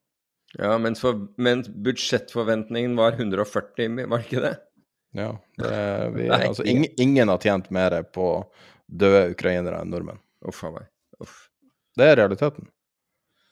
Det var brutalt, men uh, jeg, jeg, jeg skjønner hva du sier. Eh, ellers så har eh, Sam Bankman-Fried, eh, sjefen av FTX, som har vært veldig i vinden, har tatt seg tiden til å skrive en veldig interessant Twitter-tråd. Jeg vet ikke, så du den? Ja. Eh, han kaller det 'financial circle jerk'. Og det er jo på en måte det vi snakka om med Facebook eh, rundt nyttår. Mm. Som er det at de her selskapene er så avhengige av hverandre. De største kjøperne av annonser på Facebook er venturekapital Altså er selskaper som taper penger som er backa av venturekapital, så en stor del av venturekapitalen går til å kjøpe annonser på Facebook, og så er det en sånn ringdans her. Så det er litt artig at han kommer med samme poenget, men uh, han er jo veldig lytta til person. Uh, jeg legger ved den uh, Twitter-tråden i nyhetsprøven, altså. Verdt å lese. Um, Softbank har tatt tilsynelatende et gigantisk tap og hadde et uh, um, Ja, det var noen grafer som kom ut knytta til uh, kvartalstall, og, og, da grafer med Vision-fondet. Hele den bouncen de hadde i 2020, og egentlig 2019 og 2018, er nå uh, wipa ut. Ja, helt voldsomt. altså en av verdens største investorer. Bare helt knust. Ja. Men han, eh, han sitter trygt, da. Virker det sånn? Sånn? Um, de var vel ikke alene om å ha stor Var det ikke Berkshire Hath Hathaway som var Ja, det er neste på lista. Har også tap. Ja, riktig. Og de tok 43 milliarder tap i um, Dollar. Hmm. Ja, i, eh, i kvartalet. Men uh, jeg så en oversikt, noen som jo, lagde en sånn uh, gif av eh, Berkshire Hathaway sin, eh, sine største eh, holdere, altså holdninger, altså holdings, eh, siden oppstart. Og da var det liksom Coca-Cola, Pepsi, alle de her tingene der de har alltid eid. Eh, diverse forsikringsselskaper osv. Og så, og så flytter det seg litt, liksom. Det ene året Coca-Cola størst, det andre året forsikring størst. Og så kommer, når de går inn i Apple, som er deres første tech-investering, egentlig. Mm. Og det er virkelig bemerkelsesverdig. Det, det var jo det som skaffa dem all alfaen de siste årene. Uh, og jeg syns jo også, hvis man først skal investere i tech, hvorfor ikke investere i Apple? Altså, Ja, men det er jo det største selskapet i som 500. den er. Ja, og, og, og et selskap som altså fra uh, sommeren 2020 for eksempel er opp nesten eh, 80 Mm. ja, så, så et selskap som beveger seg som en pennystokk, men er verdens største, liksom. Ja, det er utrolig. Er. Hva, hva du tror om den endringa der han liksom endra sin grunnleggende filosofi som investor i 80-årene? Han begynte å investere i tech. Hva sier du? Han begynte å investere i tech for første gang, Ja. noe han sier han ikke skjønner. Det er, det er den delen som jeg, eh, som, som jeg sliter med, det er at man investerer i noe man ikke skjønner. Men det gjør vi jo. Av og til så må vi jo ha tillit til, eh, til, til noen. Altså Vi tror noen er smarte, og det kan være at de er det. Oppriktig smarte. Fordi teknologien er så krevende at vi, at i hvert fall jeg, ikke er i stand til å forstå det. Og da ender du opp med tillitsspørsmålet har jeg tillit eller ikke tillit til denne personen. Um, og ja. Jeg har vært utsatt, for akkurat samme, samme selv, hvor, eh, hvor, satt, eh, hvor vi hadde ordentlige tap, ordentlig krevende per, per periode. Og, og min sjef eh, får, da greie på dette her. Jeg sier, sier det til ham. For han, og, og det han tenkte, det, det Han hadde gått inn, for jeg lurte jo på det i ettertid. altså Jeg fikk jo lov å fortsette, og jeg var jo innenfor risikorammer. Men det var en ekstremt krevende periode i markedet. Enten var, Jeg tror det var under Asia-krisen eller et eller, annet, sånt. Og han hadde da tenkt på at det var egentlig bare én ting han, han trengte å ta stilling til, og det var hadde han tillit til meg, eller hadde han ikke tillit. Hvis jeg hadde hans tillit, så mente han at jeg var den beste til å få oss ut av uføre. Og hvis ikke tillit, så, så burde jeg fjernes. Og han valgte da han valgte å ha tillit. Og det endte med å bli det beste året vi, vi, vi hadde.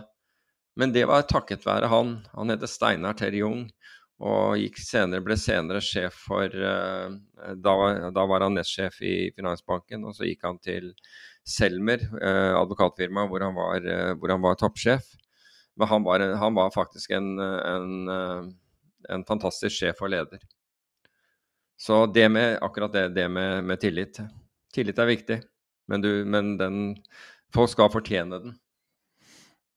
Eh, De siste uk den siste uka har vært ganske tøff for eh, Donald Trump.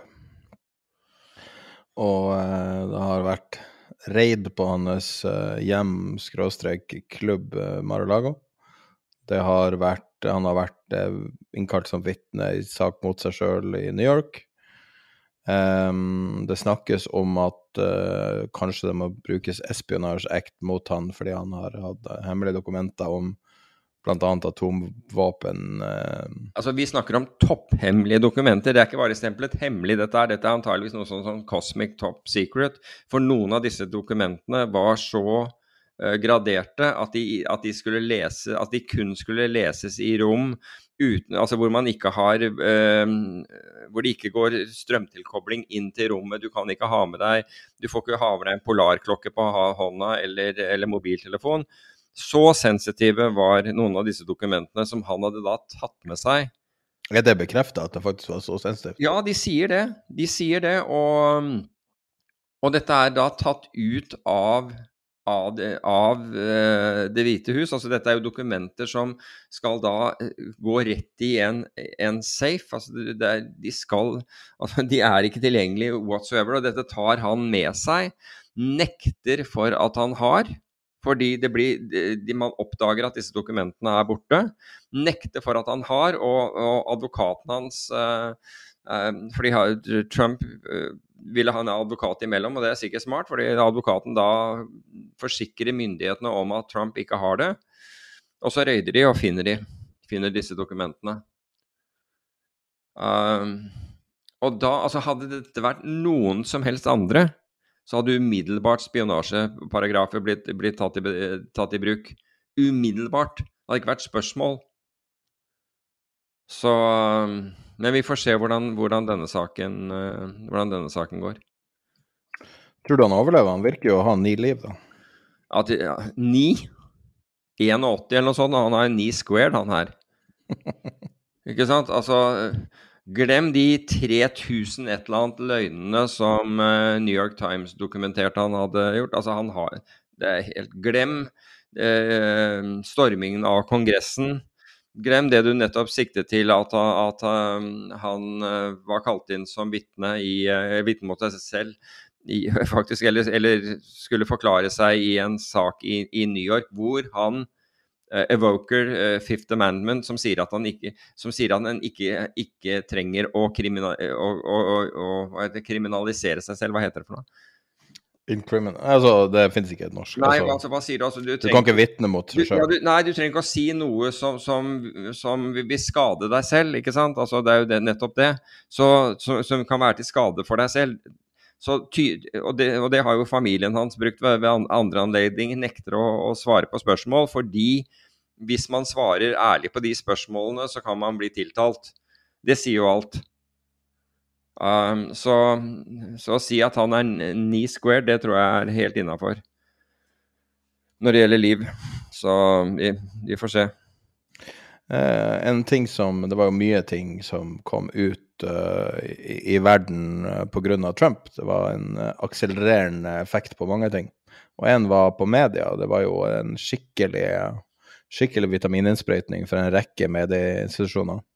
Og en av dem var jo Axios. Jeg, skal, jeg har lagt merke til hvor det selskapet kom fra ingensteds.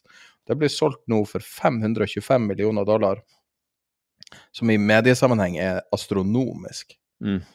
Men selvfølgelig, det er jo like mye som et random podcast-selskap, så jeg vet ikke om det jo, men altså Jo, jeg skulle ikke til å si at vi var det, men, men, du kan si at Vi har jo snakket om dette med WC, og du ser liksom selskapet bli omsatt. og og altså norske var det Hightech Vision som henter inn 10 milliarder og skal hente 20 milliarder, og det har de fått inn, og får inn 20 milliarder til. Det er, altså det er forbausende mye penger som, som, står der, og som er villig til å, å, bli investert i det som er den mest risikofylte delen av av aksjeinvesteringer, da, altså nemlig i, i ganske nystartede uh, selskaper, eller takeover av, av, selskaper. Altså De er kanskje mer private equity, jeg vet ikke, men, men da er det jo belånt. I, da, da, belåner man i tillegg. Så 10 milliarder har man fått inn. Hvis man får inn 30 milliarder, så, så blir jo det 60, kanskje 100 milliarder med, med, med belåning. Så det er Altså, det er mye penger der ute som, som søker avkastning. Og altså det vi har snakket om, nå har, nå har både øh, venturekapitalen og private equity kommet under lupen um, rett og slett på, på måten de, de, driver på. Og det, har, det, det, stopper tydeligvis ikke investorene. Og her er det jo her, Hightech har jo um, absolutt levert, så det er ikke Det, det er ingen um, det er ingen uh, negativ vurdering av dem i det hele tatt. De har, de har jo absolutt uh, levert. Men det betyr altså, her, Og her skal man inn i fornybare osv. Uh, jeg så for øvrig Clean Energy-ETF-en steg kraftig i forrige uke, så det er jo det er en del ting som, som skjer. Og vi trenger jo, jo og bare så det er sagt, altså vi trenger fornybart. Det er jo helt sikkert. Bare se på, på, på prisene vi betaler for, um, for råvarer i dag. Så fornybart er definitivt behov for. De som klarer å gjøre det. Og ikke minst de som da kan, kan skaffe oss alternative energikilder. Så det er mye Altså, verden går videre her. altså Det er helt, helt opplagt. Og det er ikke mangel på penger. Nei. Um, husker du i 2018 så gikk det ut meldinger på Hawaii om at det var atomvåpen på vei. Sånne offisielle meldinger. Ja, det er langt bak i, i tilfellet. Ja, det var, det var en kar som jobba med å sende ut sånne varselmeldinger som trykte feil på et sånn dashbord. Og i stedet for å sende ut ei testmelding, så sendte han ut ei melding som sier at atomvåpen Men var det. NSA? For NSA har jo en stasjon i Hawaii, var det de, eller? Altså, det er det som heter eh, Emergency Alert System. Ja. Jeg må se hvem det ligger under ehm, Jeg skulle tro at det ligger under FCC, men eh, Ok. Um, Ja, FCC. Um, I hvert fall, så det ble sendt ut da. Og, og nå har det systemet angivelig blitt hacka. Mhm. Så uh, mulig vi får en repeat av det. Oh, shit.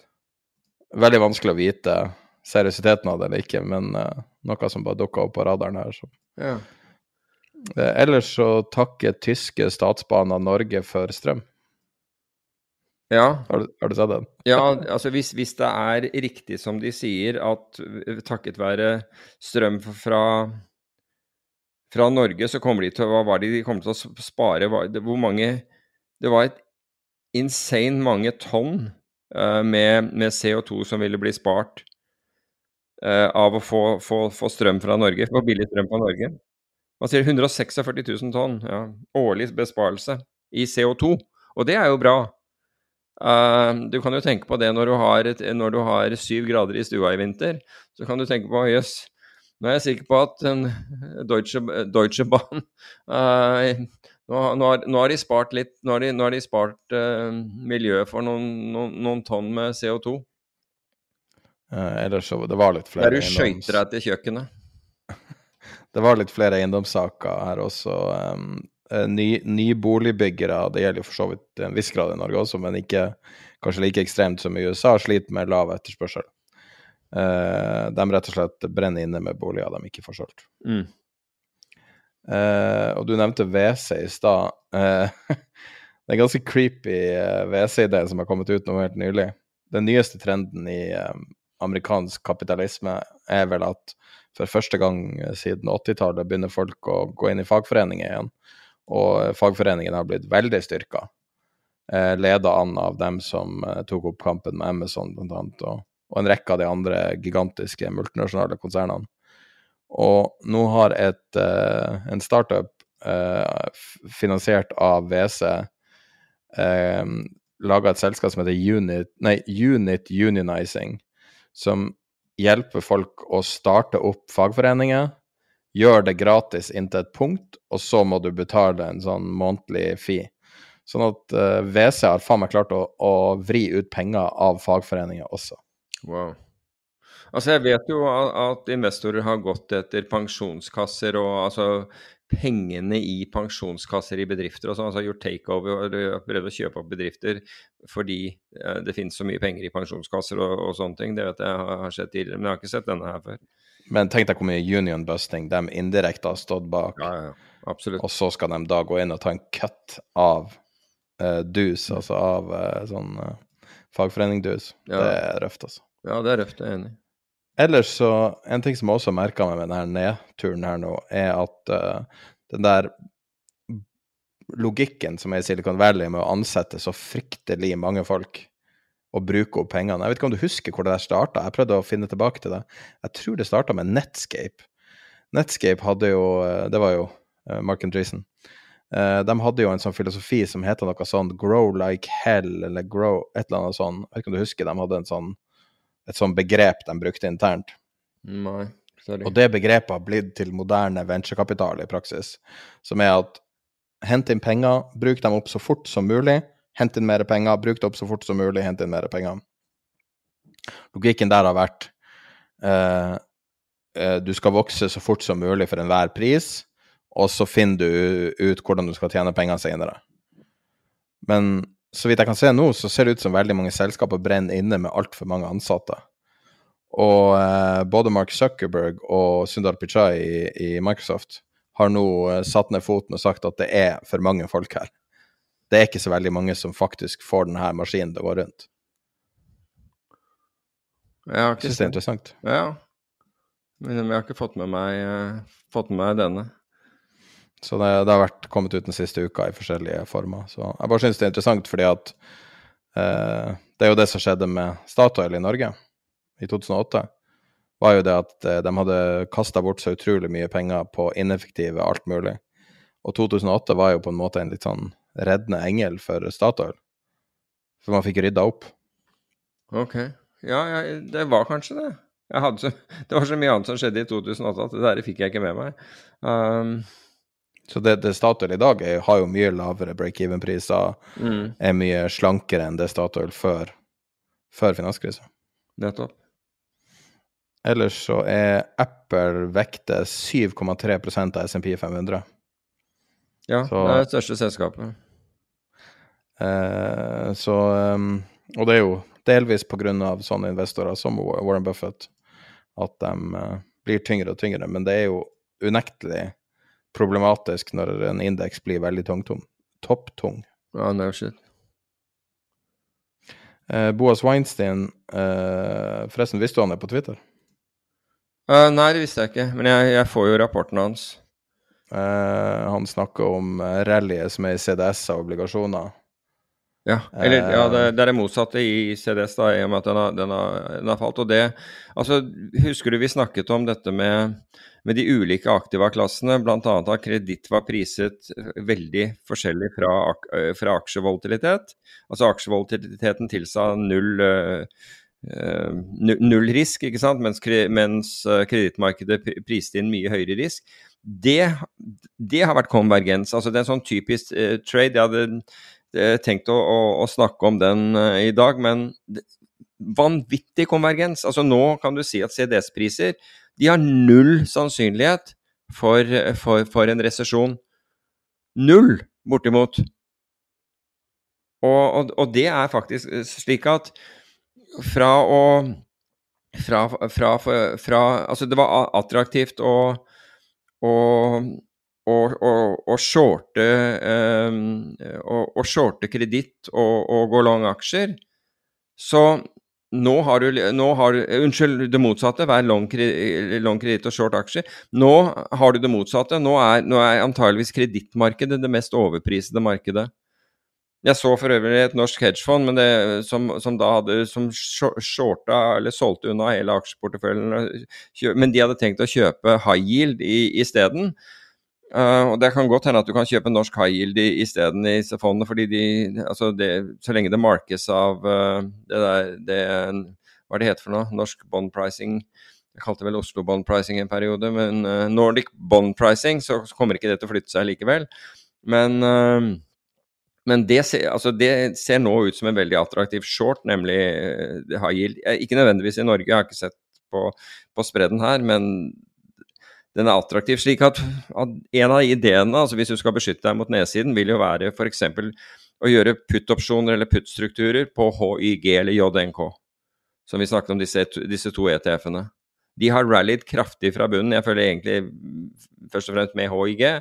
Rallied kraftig fra, fra, fra bunnen, og der kan man få en interessant short-posisjon hvis man har behov for det. Uh, vi kan kanskje ta noen spørsmål og svar, da. Tar det på slutten i stedet for begynnelsen. Kjør på. Uh, det var en, en uh, lytter som er bearish på alt. Altså alt, absolutt alt. Og han sier fins det en sosial kollaps, ETF eller noe andre tilsvarende ting du kan kjøpe hvis du tror alt skal gå til helvete? Jeg, altså det er mulig at, at noen har konstruert dette, men den, den, vanlige måten vil være enten altså Hvis du virkelig tror på, på kollaps, vil være enten å bruke future-markedet, men du kan også bruke ETF-er. Det fins ETF på SMP 500. Det fins uh, eh, altså sånn reverse ETF-er, slik at du kjøper en ETF som vil tjene penger hvis, eh, hvis um, slik, du, slik, at du slipper å gå short um, hvis SMP 500 faller. Du kan gjøre det samme på Nasdaq, men jeg, jeg kjenner ikke til en ETF som omfatter alt sammen. Det, det gjør jeg ikke. Um, og markedet er dessuten sånn, som vi nettopp snakket om, at noe synes mer, klart mer overpriset enn en andre. For eksempel så, så, vil jeg antageligvis ikke være short uh, long, uh, long, duration, altså uh, obligasjoner med, med, med, lang løpetid. Fordi her hvor de faktisk har en rente, kan de, kan de være positive i en portefølje. Så fra fra det å være short dem, så, så vil jeg nå heller være long dem hvis jeg skulle, hvis jeg skulle lage en, um, en, uh, en portefølje av, av, forskjellige Jeg har en idé til hva vi kan gjøre. Ja. Vi kan lage en kollaps-ETF som heter Collapse. ja. Og, og, og, den består kun av to ting. Den er long XLP, sånn consumer staples, superkonservative uh, investeringer, og short QQQ. That's it. Jeg ville heller shorta Russell akkurat i øyeblikket enn QQQ, faktisk. Ok. Men du skjønner hva jeg mener? Og så kan man uh, Ja, jeg skjønner hva, du mener. Kan man tjene på Er det en prosent på ETF-er, cirka? Ja, altså pengene som tjenes på ETF-er, det, det, det, tjenes jo egentlig på, på, på marketmakingen av dem. ikke sant? At du klarer å for de som, de som, stiller eh, priser i ETF-ene, de må handle i de underliggende instrumentene. ikke sant? Så der hvor du, du nevner disse de, andre ETF-er eller, eller indekser bestående av, av, av, aksjer, så er det jo forholdet mellom de og, og ETF-prisingen som du er ute etter. Så du capture, Det er noe sånt som 1% det har, ja, et eller annet sted rundt der. Men så vil du ha muligheten til å trade. Det er jo det de gjør er marketmakingen av selve ETF-en i forhold til det underliggende, som, er, som kalles programhandel. Tenk den markedsføringa du får hvis du bare kaller en ETF for Collapse. Ja, det er rart. At, ja, det er sant. Så helt likegyldig hva den består Ja, det er sant. Jeg skulle nesten ha tatt, tatt, ut navnet der. Det er veldig bra. Hvordan lager man en ETF? det er jo et fond med daglig likviditet. ikke sant? Eller ikke bare daglig likviditet, du har jo minutt-til-minutt-likviditet ikke sant? så lenge børsen er åpen. Jeg tenker på, jeg vet ikke om en podkast kan gjøre det her, skal vi se. det, ville være, det ville være noe underlig, tror jeg, men, uh, Hvis, Ok, da prøver vi oss igjen. Hvis du forvalter et fond og har tilgang til gud vet hva som skal til for å lage en ETF, bare ta kontakt med podkasten, så kan vi lage en Collapse ETF. ja, det må, så må dere gjøre hele jobben. ja, nettopp. Det er som regel sånn. Men uh, har vi andre? det er mange som tenker sånn, tror jeg. Mm. Har vi andre spørsmål på, på lista, eller? Mange spørsmål. Kjør på. Altså petrodollar generelt, i den geopolitiske settingen som er nå, som er basically det at uh, man kjøper olje med dollar. Ja. Og er det her uh, på en måte i Er det her i fare pga. alt det geopolitiske endringene vi ser? Ja, altså, det blir jo det tas jo opp til vurdering, og Russland vil jo gjerne ha, ha det annerledes, og det samme vil, vil, Kina. Men i øyeblikket så er USA, altså fordi Rett og slett pga. størrelsen og, og, og, og, måten markedene fungerer på, så vil jeg ikke si at den er vesentlig truet, for å si det på den måten. Altså Kina ville sikkert gjerne ha sin egen valuta som en, som en At alt prises i det. Og Russland prøver jo. Russland prøver jo, men jeg, jeg oppfatter det ikke som noen trussel no, noe reell trussel. Uh, I øyeblikket så får vi se hvordan denne konflikten ut, utvider seg, men, uh, eller utvikler seg, unnskyld. Um, men i øyeblikket ser jeg ikke det som en reell trussel. Relevant spørsmål er det faktisk, ja. Klarer du å si på veldig uh, få ord hvordan tror du markedet hadde sett ut i dag hvis man ikke hadde benyttet seg av QE i 2008? Bedre er svaret på det. Fordi da hadde vi, da hadde vi lagt bak oss da hadde markedene fått lov å, å, oppføre seg som markeder. Vi ville ha renset ut dritten fra finanskrisen og alt det som var galt der.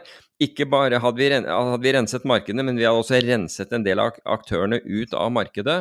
Og markedene som helhet ville vært bedre i dag. Vi hadde hatt større svingninger under den perioden, men markedene ville ha fungert som markeder. Økonomien ville, ville vært, vært bedre. Totalt sett ville, ville det vært bedre. Finansiell sektor hadde antageligvis vært mindre, men det er helt greit. Det gjør ingenting. Men jeg tror at, eh, at, Og fortsatt så er det 'kicking the can down the road'. Man tar ikke ansvar. Og det er akkurat som store institusjoner kan gjøre som de vil. De blir tatt om og om og om igjen. Det gjelder, det gjelder ikke bare internasjonalt, men det gjelder også nasjonalt. De får lov å bare fortsette. Det er ikke sunt for systemet. Vi, altså Loven skal være lik for alle, Og hvis du praktiserer det, så vil det resultere i et sunt marked. Ved å ikke praktisere det på den måten, så blir det skjevheter, skjevfordeling. Noen få fordeler andre ikke har, og det utløser igjen nye problemer. Og ikke bare det, altså det, det blir ikke atferdsendring.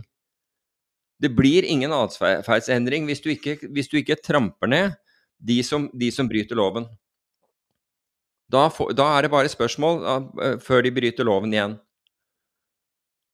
Og du ser gang på gang på gang så, så, uh, så blir institusjoner uh, avslørt for å, for å, drive med altså, rett og slett av og til grov kriminalitet. Det har vi jo tilfeller av krigsvis. Vi vi har Deutsche Bank, og du kan jo Innsidehandel vil jo være eh, definert som det. Altså, du, du kan, uten at det har noen konsekvenser. Har, altså, du, betaler, du, betaler, noen få prosenter i noen bøter, det er, det er, det du gjør. Og Nå har vi den der saken som uh, verserer i New York med, med, med, JP Morgan om manipulering av gullmarkedet. men Den er litt for omfattende til å ta her, men den kan vi ta neste gang. Så jeg tror at markedet ville vært bedre. Jeg tror vi ville hatt det bedre. Vi ville også hatt et altså, Velstandsgapet ville ikke blitt, vært så stort som det i dag er. Ikke i nærheten, tror jeg. Men hadde vi totalt sett kanskje hatt en lavere verdiskapning? Ja, det er mulig, men det, det får vi tryn, i trynet nå med den inflasjonen som, som, er i dag. Hvis du skulle um, argumentere for et rally de neste månedene og årene, i lys av at vi vet at amerikanske sentralbanken skal gjøre det motsatte av kvantitative lettelser, altså kvantitative tettelser, quantitative tightening.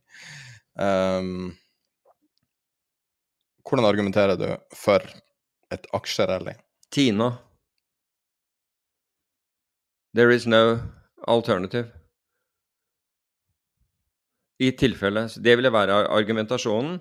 Er at det er Tina Du skviser da uh, den delen, altså alle de markedet som, som trenger som trenger avkastning, hvilket man gjorde under kvantitative lettelser. Da skviser du renten lavere og lavere og lavere. Pensjonskasse kan ikke møte sine forpliktelser. Du får ikke noe igjen i, i, i, banken. Du skviser folk, og så tillater du kun at de putter pengene sine i aksjer. Eventuelt eiendom, men, men hvis nå gjaldt det aksjer, så du tvinger alle å, å gå dit. Da får du det. Uh, vi kan ta to spørsmål under ett som er noen som sier at du er imot at sentralbank har gripet inn i markedet, men er for at det interveneres i strømmarkedet. Hvordan forsvarer du det? Og så del to.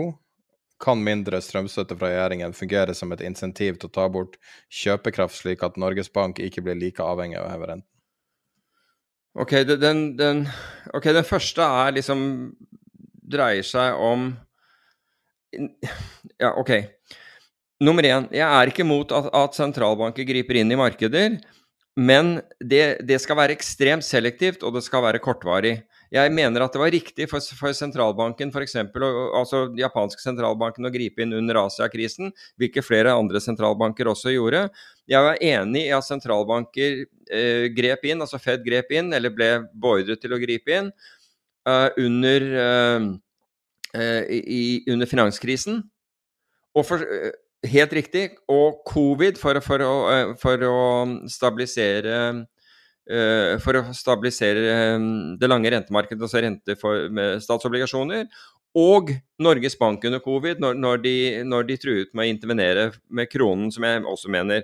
Så kortvarige slike tiltak i ekstremsituasjoner er jeg for. Det jeg ikke er for, er at man gjør det over lang tid. Eh, eh, slik, slik, det ble, at, at, du bare fortsetter å gjøre, gjøre det i et tiår, det er for meg meningsløst. Det er, det er punkt én. Punkt to, uh, sammenlignet med strømmarkedet, mener jeg er feil. Og årsaken til det er at den strømsituasjonen, den krisen vi har i dag, er, er som følge av en politisk tabbe, og ikke egentlig som følge av av markeder per se. Det er en politisk tabbe som, som uh, tømte strømmen, eh, som, som, leder til at man tømmer vann over i strøm og sender det ut av landet og gjør Uh, strømmen da ekstremt, altså kraften ekstremt kostbar for norske forbrukere. Det var en tabbe. Det brøt med alle forutsetninger. Det brøt med det man var, var, hadde blitt fortalt at dette skulle gjøre. Det var kun noen øre dette ville, ville medføre i, i høyere, høyere, priser. Og så, og så sammenligner man med, var det noen som kalte det, de hyssingene som, som gikk ut av landet tidligere, ble da erstattet med med, med en tunneler som du, du, førte strøm gjennom i, i, i forhold. Og så slik at det er en politisk tabbe, og den altså, La oss rette opp den. altså Ikke for å gå gjennom den der eksempelet med, med, med, med Trollstigen igjen fra, fra forrige, men la oss, la oss, sette La oss opprette Altså gjenopprette dette til den originale tilstanden. Og så kan vi begynne å vurdere hvordan vi skal gjøre ting videre. Og det er det jeg mener, slik at jeg er klin imot at dette blir kalt støtte. Dette er snakk om fordeling. Så det er ikke en støtteordning. De, de elsker å bruke støtte, fordi da høres det ut som du får noe. Så, jeg hadde tenkt å skrive en blogg om det. Ja, ok. Det, det Og det var det Altså, hvis du endrer bare det fra støtte til tilbakebetaling, ja. eller refusjon, ja. så endrer du hele debatten. Ja. Da, da, endrer du hele debatten med at folk som driver bedrifter som f.eks. ikke er berørt av høye strømpriser, har veldig sterke meninger mot strømstøtte. Mm.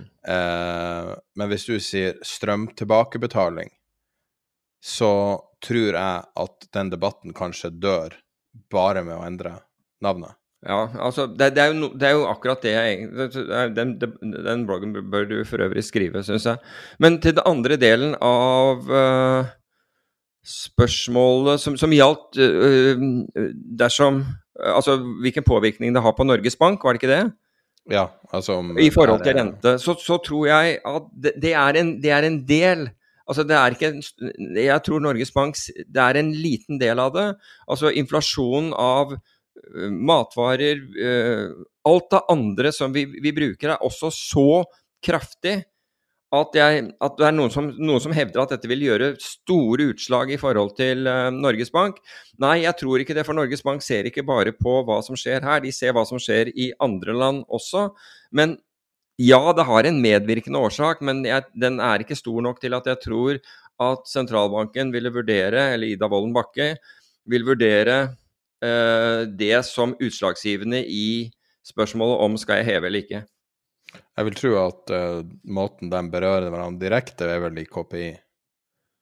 Ja, helt sånn riktig. Sånn at uh, helt, helt KPI vil gi en viss, uh, en viss regulerende effekt der, vil jeg tro. Ja. Der kan du gjerne svare kjapt på, for du har nevnt det mange ganger før. Men Black-Scholes-modellen, hva er din tanke om det? Fungerer den bra eller dårlig i praksis? Har du brukt den sjøl? Uh, ja, jeg har brukt den selv. Det, det er jo en opsjonsprisingsmodell som, består, som har fem, uh, fem input. Altså du, du, legger inn kursen på hvis, La oss si at dette er en aksje.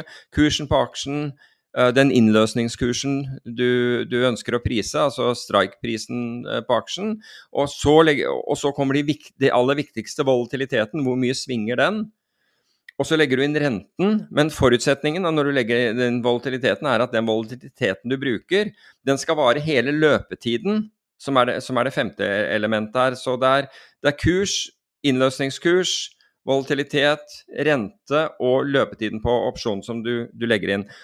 Den er veldig enkel og grei som en prisestimator, men mange forutsetninger i denne modellen er feil. Blant annet er, eh, forutsetter modellen at opsjoner kan prise At, at du kan hedge uh, disse opsjonene. Den som da selger av opsjonen, kan hedge 24-7, 365. Det vet vi ikke stemmer. Så, så den, ligger, er feil. Distribusjonen, som er da en lognormal distribusjon, som er for, forutsetning for prisingen, den holder heller ikke vann, for vi vet at vi har det vi kaller fete haler, at markedet faller fortere enn de stiger osv. Så, videre. så må, denne må, Ja, jeg har brukt den, men, men, å stole på at den modellen gir deg en riktig representasjon av virkeligheten, er feil. Og, men du har flaks fordi opsjonsmarkedet etter 1987, hvor markedet falt 25% på en dag uh, Etter 1987 så prises opsjoner på, eh, på en måte som ikke følger da den lognormale distribusjonen. Så det ligger på en måte i prisene på opsjoner.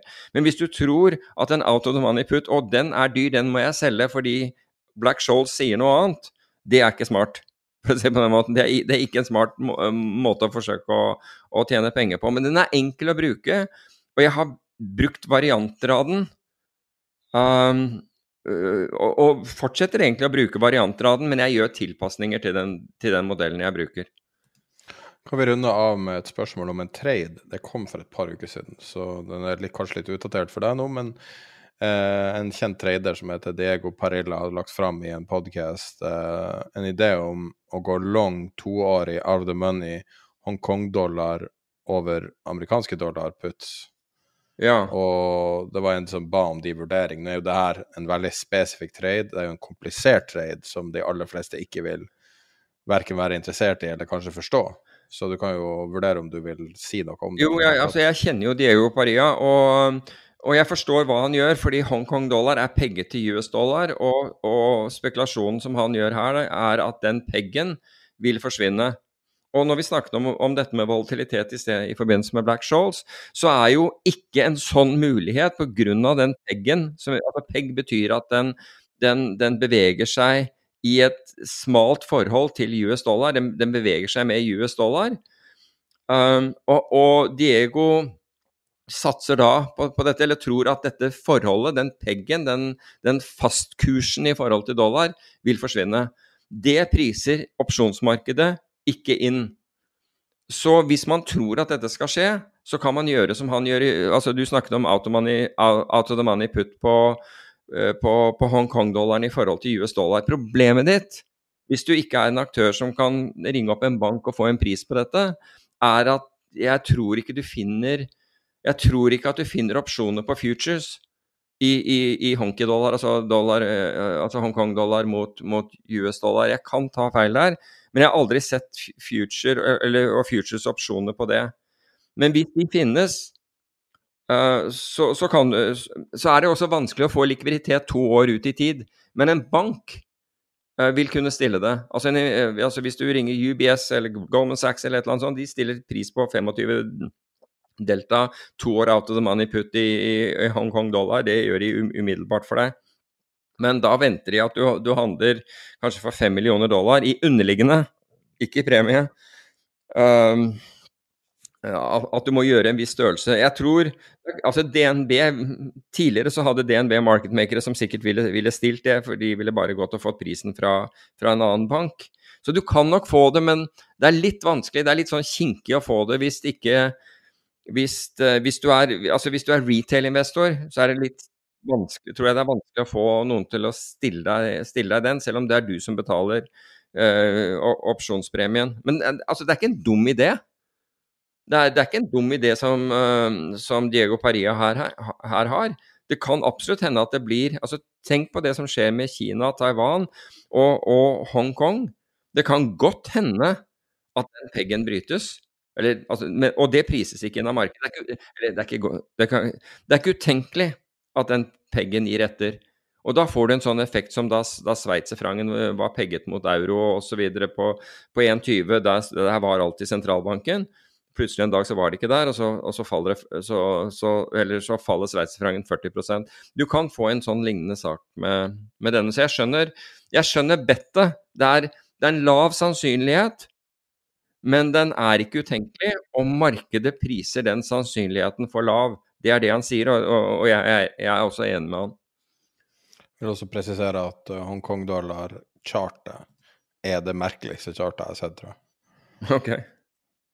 Hvis du bare går og ser på Hongkong-dollar, amerikanske dollar, så ja, altså det, ser, det, ser, helt uvanlig ut i forhold til andre. Ja, men det, det, vil jo være et uvanlig fordi den er pegget til en annen, ikke sant? jeg skjønner det, jeg bare sier det. Det, ja, det, her, er, det her, er, relativt avansert altså, finans. Jeg, jeg, har ikke spurt på, på hva at the money-volatiliteten i, um, i Hongkong-dollar er, men du må i hvert fall forvente at de priser 25 delta out of the money. Den, den, kommer til å ha en høyere volatilitet, en vesentlig høyere volatilitet enn at the money, men, det, det, betyr ikke at det er urimelig. Altså, Den kommer ikke til å være crazy i forhold til dette.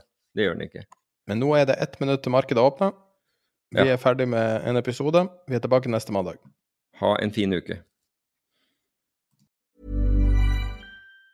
Planning for your next trip? Elevate your travel style with Quince. Quince has all the jet setting essentials you'll want for your next getaway, like European linen, premium luggage options, buttery soft Italian leather bags, and so much more. And it's all priced at 50 to 80% less than similar brands. Plus, Quince only works with factories that use safe and ethical manufacturing practices. Pack your bags with high-quality essentials you'll be wearing for vacations to come with Quince. Go to quince.com slash trip for free shipping and 365-day returns.